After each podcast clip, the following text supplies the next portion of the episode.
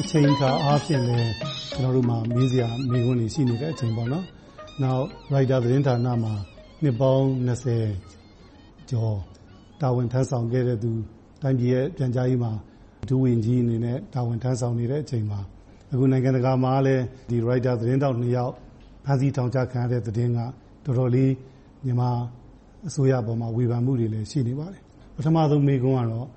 ဒီသတင်းထောက်နှစ်ယောက်ကိစ္စနဲ့ ပတ်သက်လို့ ဘယ်လိုတုံ့ပြန်ချင်ပါလဲခင်ဗျ။အဲဒါကတော့တရားရုံးကကိုင်တွယ်နေတယ်ဆိုတော့မပြီးသေးဘူး။ကျနော်နားလည်သလောက်တော့ Process ကမပြီးသေးဘူး။ကျနော်တို့ကတော့ဘာမှပြောလို့မရဘူး။ကျနော့်အနေအထားက။တရားဝင်ဘာမှပြောလို့မရဘူး။သူတို့မှာအခုရုံးကတော့ Verdict တော့ချလိုက်ပါပြီ။ဒါပေမဲ့ Appeal Process ရှိသေးတယ်။ Process Step by Step တခုအယူခံဝင်ခွင့်ရှိတယ်။နောက်ဆုံး Case ကတော့ Presidential Pardon ရှိတယ်။ Amnesty တို့ဘာတို့ညာတို့။အဲဒီမတိုင်ခင်တော့ကျနော်တို့ဥပဒေအရလည်းပြောဖို့မသင့်တော်ပါဘူး။ဘာဖြစ် လို့လဲဆိုတော့ Contempt of Court သဘောမျိုးပေါ့။အဲဒီသဘောမျိုးသက်ရောက်တော့ဘာမှမပြောတာကောင်းပါတယ်။ဒီအမှုကိစ္စနဲ့ပတ်သက်လို့ပဲနောက်ထပ်မေးခွန်းတခုကတော့နိုင်ငံတော်အတိုင်ပင်ခံပုဂ္ဂိုလ်အပေါ်မှာလည်းဝေဖန်ရေးသားတဲ့ဆောင်းပါးတွေဝန်ကြီးတို့လည်းတွေ့မှာပါ။အဓိကတော့ NHK တွေ့ဆုံမေးမြန်းခန်းတခုမှာသူတို့ဟာသတင်းယူလို့အဖမ်းခံရတာမဟုတ်ဘူးဆိုပြီးပြောခဲ့တဲ့ကိစ္စ။နောက်ပြီးတော့တချို့ကလည်းအခုနောက်ပိုင်းမှာစီရင်လိုက်တဲ့ကိစ္စနဲ့ပတ်သက်လို့ငြိမ်းနေတယ်ဆိုပြီးတော့ လူ့အခွင့်အရေးမီးရှူးတစောင်အဖြစ်သတ်မှတ်ခံခဲ့ရတဲ့သူကငြိမ်းနေတယ်ဆိုပြီးတော့ဝေဖန်တာမျိုးပါ။ဒါနဲ့ပတ်သက်လို့ဝန်ကြီးအနေနဲ့ပြောစရာရှိပါလား။တကယ်တမ်းကြတော့ NHK အင်တာဗျူးမှာမမေးသင့်တဲ့မေးခွန်းတခုပါပဲ။အမှန်ကတော့။ဘာဖြစ်လို့လဲဆိုတော့သူကအရင်ကပုံနဲ့မတူတော့ဘူး။အခုနိုင်ငံတော်တာဝန်ကိုယူနေရတဲ့အနေအထားမှာရှိပါတယ်။ပြီးတော့သူပြောလိုက်တာလဲကျနော်ထင်တယ်သူက Fact တခုအနေနဲ့ပြောလိုက်တာပေါ့။ဒါက Legal process မှာဒီအနေနဲ့လုပ်ထားတာ။အဲဒါကိုသူ့ရဲ့ Comment ဆိုတာထက်အခြေအနေကအဲဒီလိုဖြစ်နေတယ်။ အဲဒါကိုပြောလိုက်တယ်လို့ကျနော်နားလည်ပါတယ်။သူ့ရဲ့ Personal opinion မဟုတ်ဘူး။ဖြစ်နေတယ်။သူတို့လုပ်ထားတာဥပဒေ။အဲဒါကိုပြောလိုက်တာပါ။အဲဒါကိုအမျိုးမျိုး Interpret လုပ်တာလို့ကျနော်အဲဒီလိုနားလည်ပါတယ်။လိုရာဆွဲပြီးတော့လုပ်ကြတာ။သူလောလောဆယ်ဘာမှမပြောဘဲနဲ့ Silent လုပ်နေတယ်ဆိုတာကျနော်အခုနပြောသလိုပါပဲ။ဒါက Legal process ကိုအဲဒီလိုဝင်ပြောလို့မရဘူး။ပြောတာက Influence လုပ်ဖို့ကြိုးစားတဲ့သဘောမျိုးသက်ရောက်တာပေါ့။ကျနော်နားလည်တာအဲဒါကြောင့်သူအဲဒါကိုဘာမှမလုပ်ဝေဖန်မှုမပြုဘဲနေတယ်လို့ကျနော်နားလည်ပါတယ်။ အဲဒါကမှတကယ့်ကိုစည်းနဲ့ကမ်းနဲ့အသိအမှတ်ပြုတာ။ Judiciary ကိုအသိအမှတ်ပြုတဲ့သဘောပါပဲ။သူ Over influence မလုပ်ချင်တဲ့သဘောလို့ကျနော်နားလည်ပါတယ်။ဒီနိုင်ငံတော်လျှို့ဝှက်ချက်အက်ဥပဒေနဲ့ပတ်သက်လို့ပဲနိုင်ငံတော်လျှို့ဝှက်ချက်အက်ဥပဒေကဒီနေ့သတင်းယူရေးမှာအဓိကအဟန့်အတားတခုဖြစ်နေတယ်ဆိုပြီးတော့သတင်းလွတ်လပ်ခွင့်တောင်းဆိုတဲ့ပြည်တွင်းအဖွဲ့အစည်းတွေကတောင်ဝေဖန်ပြောဆိုနေတာမျိုးတွေလည်းရှိပါတယ်။ဒီအပေါ်မှာပြန်လည်ပြင်ဆင်တာမျိုး၊သုံးသပ်တာမျိုးရှိပါသလား။ ဒီဥပဒေကတကယ်တမ်းကြည့်လိုက်ရင်နှစ်ပေါင်းတစ်ရာကျော်ရှိပါပြီ။လောက်ရှိပြီ။ကျနော်တို့ဗြိတိသျှဆီကအမွေရလိုက်တဲ့ဥပဒေပေါ့။ဒါပေမဲ့ကျနော်လည်းဒီဥပဒေအောက်မှာပဲနှစ်ပေါင်းကျော်အလုပ်လုပ်ခဲ့ပါတယ်။ဥပဒေဆိုတာကျနော်ထင်တယ်လျှို့ဝှက်ချက်ဆိုတာနိုင်ငံတိုင်းမှာရှိတာပဲ။ဥပမာပြောရရင်တော့လူတွေစိတ်ဆိုးကြမလားတချို့ကမလိုလားအပ်တဲ့ Snowden သာကြည့်လိုက်ပါတော့ဘယ်လိုဖြစ်သွားလဲဆိုတော့လျှို့ဝှက်ချက်ဆိုတာရှိတယ်အားလုံးကိုထုတ်ဖော်ပြောလို့မရဘူးပြောသင်ပြောထိုက်တာပြောရမယ်လျှို့ဝှက်သင့်တဲ့ဟာလျှို့ဝှက်ရမယ်သူကဒီဥပဒေအရေးယူတာကျွန်တော်မပြောလို့ပါဘူးခင်ဗျ မှန်ပါတယ်ခင်ဗျဥပဒေတွေရှိတယ်သို့တော့တစ်ချိန်တည်းမှာပဲသတင်းသမားဘက်ကတော့သိဖို့လိုတယ်ဘေးဥပဒေဟာဘယ်လိုရှိတယ် Android ဆိုတာကိုဥပဒေကတော့ကျင့်ရထားဖို့လိုပါတယ်ဟုတ်ကဲ့တစ်ဖက်ကပညာရှင်တွေဘက်ကထောက်ပြတာကကြတော့အိန္ဒိယမှာလည်းဒီဥပဒေရှိတယ်စင်ကာပူမှာလည်းရှိတယ်ကနေဒါမှာလည်းရှိတယ်ဒါပေမဲ့သတင်းသမားတွေအတွက် Right to Information Act သတင်းယူခွင့်နဲ့ပြန်ပြီးတော့ထိန်းညှိပေးတဲ့ ပြန်ခွင့်ပြုတာမျိုးတွေလည်းရှိတယ်လို့ပြောမှန်ပါတယ်ခင်ဗျမှန်ပါတယ်အဲ့ဒါ overrule လုပ်ပြီးတော့အဲ့လိုရှိပါတယ်၆ကြောက်ကကြီးဆိုရင်ဒီအစိုးရလက်ထက်မှာဟုတ်ပါတယ်ဟိုဂျာကန်လူတယောက်ကတရားဆွဲပြီးပါတီဆွဲလို့မရတော့ဘူးနောက် payable ဖြစ်အာမခံပေးလို့ရတယ်ဟုတ်ပါအဲ့ဒီ report တွေလုပ်ပါပြုပြင်တာမျိုးတွေရှိတော့ပြန်လေသုံးသက်တဲ့အနေအထားမျိုးရောရှိပါလားခင်ဗျဒီကျွန်တော်တို့သုံးသက်နေတဲ့ဥပဒေတချို့ရှိပါတယ်ဒါပေမဲ့ official secret act တော့လောလောဆယ်မပါသေးဘူးထင်ပါတယ် official secret act တော့ကျွန်တော်နားလေသလောက်ကလေပြီးကျွန်တော်တို့ဒီ unlawful association act ရှိတယ်နောက် electronic act ရှိတယ် တစ်ချက်တော်တော်များများရှိပါတယ်သို့တော့အဲ့ဒါနဲ့ဟိုကလို့ဖို့ထင်းဖို့အတွက်တော့ right to information law ကတော့ကျွန်တော်တို့ရေးဆွေးနေပါတယ်သူ draft တော့ရပါပြီ draft ကတော့ zero draft ပေါ့လေအဲ့ဒါကိုအဲ့ဒီပုံမှာအခြေခံပြီးတော့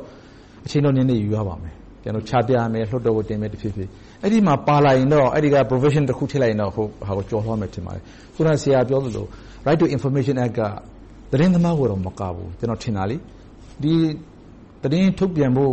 တာဝန်ရှိတဲ့ အစိုးရဝန်ထမ်းအရာရှိတွေအတွက်ဒါလည်းတစ်ခုဖြစ်နေတာပေါ့နော် psychologically အဟန့်တက်ပဲဘာလို့ကျွန်တော်လည်းအစိုးရအရာရှိလုပ်ခဲ့ဖို့တော့သတင်းသမားဘဝမရောက်ခင်အဲ့ဒါမျိုးလေးရှိတာပေါ့အဲ့ဒါတော့ right to information law မှာပြဋ္ဌာန်းလာတဲ့အခါကျရင်တော့ကျွန်တော်ထင်ပါတယ်အဲ့ဒီမှာပါပါလိမ့်မယ်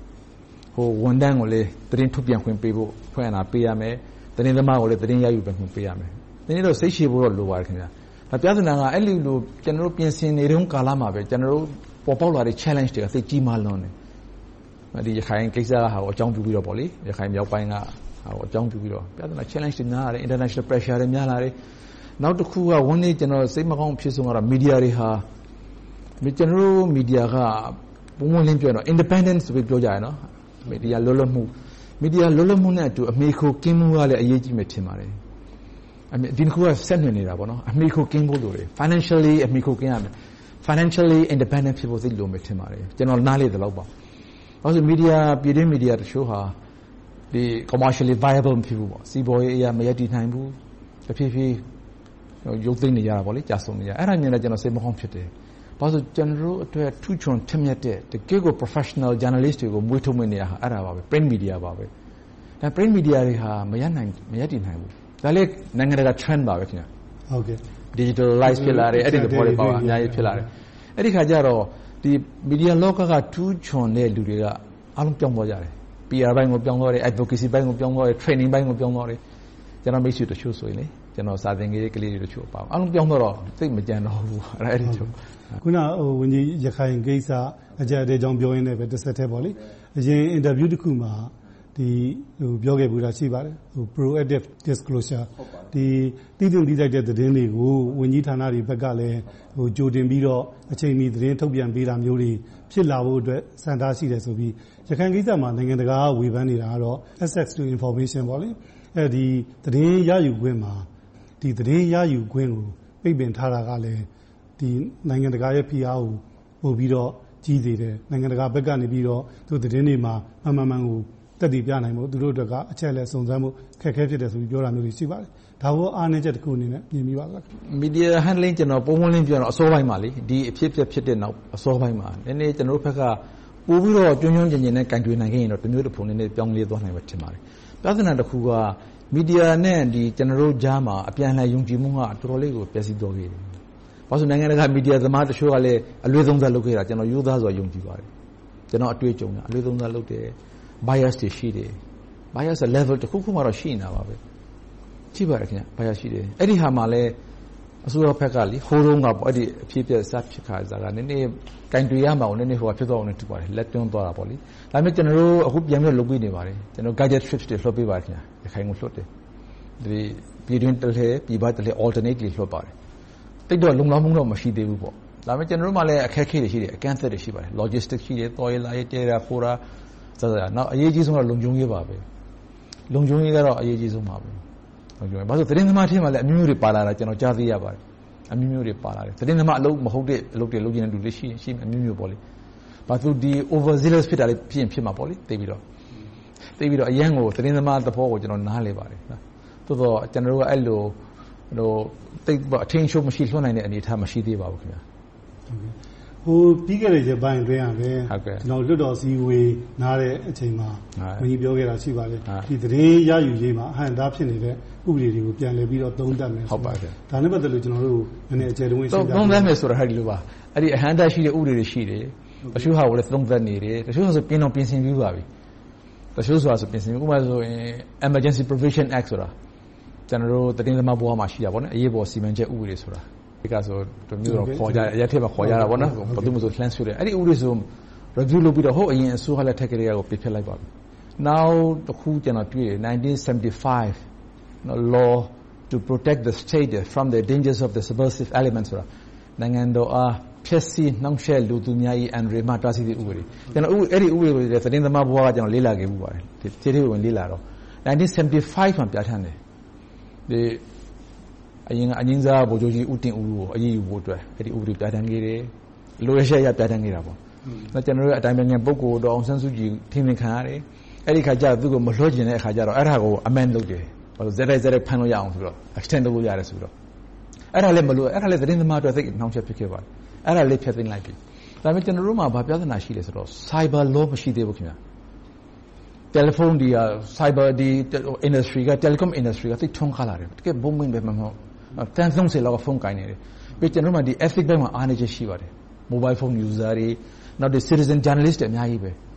။ Smartphone တစ်လုံးရရင်ဘယ်သူမဆိုတွေ့ရမြင်ရကိုရိုက်ပြီးတော့ရေးပြီးတော့တင်လို့ရတယ်။သူတို့မှာ Ethic Training မရှိဘူး။ Ethical Training မရှိဘူး။တင်ချင်သလိုတင်။အဲဒီအခြေအနေမျိုးမှာ Cyber Crime ရဲ့အန္တရာယ်ကသိပ်ကြီးမားပါတယ်။ကျနော်တို့ဘက်ကလုပ်နေတာတစ်ခုတော့ရှိပါတယ်။အဲဒါကဘာလဲဆိုတော့ Law ကိုပြုလုပ်တာတစ်ပိုင်းပါ။လုပ်နေကြပါတယ်။တချို့ဟာလုပ်နေတယ်။အချိန်တော့ယူရမယ်။ တချိန်တည်းမှာပဲ Law အသစ်အခုနပြောတဲ့ Right to Information Law တို့ဘာတို့သူနဲ့လည်းပြန်ထိန်းလို့ရတာပေါ့။အဲဒါလေးပြဌာန်းနေပါတယ်။နောက်တစ်ခုကကျနော်တို့အဖွဲ့ပြန်ကြားရေးကတာဝန်ခံပြီးတော့ကျနော်တို့ Focal Ministry ပါ။ကာကွယ်ရေးပါတယ်။ BDA ပါတယ်။လူ့အခွင့်အရေးကော်မရှင်ပါတယ်။စသည်ဖြင့် Attorney General's Office ပါတယ်။ကျနော်တို့ SOP တစ်ခုထွက်အောင်လုပ်နေပါတယ်။ Standard Operating Procedure သတင်းသမားတွေအတွက်။ ကျနော်တို့ကဘာလုပ်လဲဆိုတော့လေ့လာမှာ။ဘယ် Provisions တွေ၊ဘယ်ဥပဒေရဲ့ဘယ်ပြဌာန်းချက်တွေဟာမီဒီယာသမားတွေအတွက်ဘယ်လိုအဟန့်အတားတွေရှိတယ်။အဲဒါတွေကိုသုံးသပ်ပါတယ်။အဲဒါဘယ်ဟာကိုကြတော့ပြန်ပြီးတော့ပြင်ဆင်တာတွေရှိမယ်။ဒီအတိုင်းထားဖို့သင့်တာတွေရှိတယ်။ဘာဖြစ်လို့လဲဆိုတော့အခြေအနေအရထားဖို့လိုပါတယ်။မဟုတ်လို့ကျနော်တို့တော်တော်ဖြစ်သွားမယ်။ကျနော်တို့ Media Management ကအတွေ့အကြုံတော်တော်နည်းပါးခဲ့ပါတယ်။ဝန်ကြီးစပြီးတော့တာဝန်ယူခဲ့တဲ့အချိန်မှာမီဒီယာအခင်းအကျင်း၊လွတ်လပ်တဲ့သတင်းယူခွင့်၊ သတင်းစာလွတ်လပ်ခွင့်၊သတင်းလွတ်လပ်ခွင့်တွေကိုပိုပြီးတော့တိုးတက်အောင်လုပ်ဖို့ရည်ရွယ်ချက်ရှိခဲ့တဲ့အကြောင်းကိုပြောခဲ့ဖူးပါတယ်။အခုတာဝန်ထမ်းလာတဲ့ကာလအတွင်းမှာလုပ်ဆောင်နိုင်ခဲ့တဲ့အခြေအနေပေါ်မှာကျေနပ်မိပါသလား။နောက်ပြီးတော့မကျေနပ်သေးဘူးဆိုရင်ဘယ်လိုကိစ္စတွေကအဟန့်အတားတွေရှိပါသလဲ။ရှေ့မှာပေါ့။ကျနော်မကျေနပ်တာကတော့ကိုယ့်ဟာကိုယ်ပါပဲ။အများကြီးလုပ်ချင်တာပေါ့။အများကြီးလုပ်ချင်ပါတယ်။ ဒါပေမဲ့နှစ်ပေါင်းများစွာ ကျနော်တို့နိုင်ငံက ပြောရရင်တော့ ၆၂ လောက်ကတည်းက ကျနော်တို့ ကလေးပေါက်စဘဝကတည်းက Freedom Press နဲ့ ဝေးခဲ့ရတယ်။ဒီမိုကရေစီနဲ့ ဝေးခဲ့ရတယ်။တကယ်တမ်း ပြောလိုက်ရင် ကျနော်တို့ရဲ့ တကျော့ပြန် ဒီမိုကရေစီက နှစ်သားပဲ ရှိသေးတယ်။တကျော့ပြန် Media Freedom ကလည်း နှစ်သားလောက်ပဲ ရှိသေးတယ်။ဒါပေမဲ့ Challenge တွေက သိပ်များလာတယ်။ကျနော် သုံးသပ်မိတာပါ။စိန်ခေါ်မှုတွေက အရမ်းများလွန်တယ်။တိုက်တိုက်ဆိုင်ဆိုင်-ကျနော်တို့ ငယ်ငယ်တုန်းက ကျနော်တို့နိုင်ငံပေါ်မှာနိုင်ငံတကာရဲ့စိတ်ဝင်စားမှုကဒီလောက်မရှိပါဘူး။မရှိဘူး။ကျနော်တို့ရဲ့နိုင်ငံပိုင်မီဒီယာဆိုတာကလည်းပြည်သူနဲ့အစိုးရကြားမှာပွင့်ပွင့်လင်းလင်းခပ်ရိုင်းရိုင်းပြောရင်ဝါဒဖြန့်တဲ့အဆင့်လောက်ပဲရှိတယ်။ဝါဒဖြန့်နိုင်တဲ့မီဒီယာဟာတော်တော်ကိုကွာဟပါတယ်။တကယ့် Professional Media -အခုကိစ္စက Professional Media က Handle လုပ်ရမယ့်ကိစ္စပါ။အဲဒါအတွက်ကျနော်တို့အချိန်ယူရပါမယ်။အဲဒါကြောင့်လဲပုဂ္ဂလိကမီဒီယာကိုသိပ်ရှင်သန်စေချင်တာပေါ့။ပုဂ္ဂလိက Print Media, Online Media အားလုံးကို အရမ်းကိုအားကောင်းမောင်းသန်ဖြစ်ဖို့လိုပါတယ်။အဲဒါအချိန်ယူရပါမယ်။နားလည်ဖို့လိုတယ်။နှစ်ဦးနှစ်ဘက်ညှိနှိုင်းပြီးတော့အေးအေးဆေးဆေးအချိန်ယူဆွေးနွေးဖို့လိုပါတယ်။တဘက်သတ်ဖိအားပေးရုံနဲ့မရဘူး။အဲဒါလဲအလုပ်မဖြစ်ဘူးကျနော်ထင်ပါတယ်။ကျနော်အဲဒါလေးကိုဝမ်းနည်းတာပါ။ကိုယ့်မီဒီယာညီအကိုတွေကိုလက်တွဲပြီးတော့နားလည်အောင်မလုပ်နိုင်သေးတာကိုအားမလိုအားမရဖြစ်မိပါတယ်။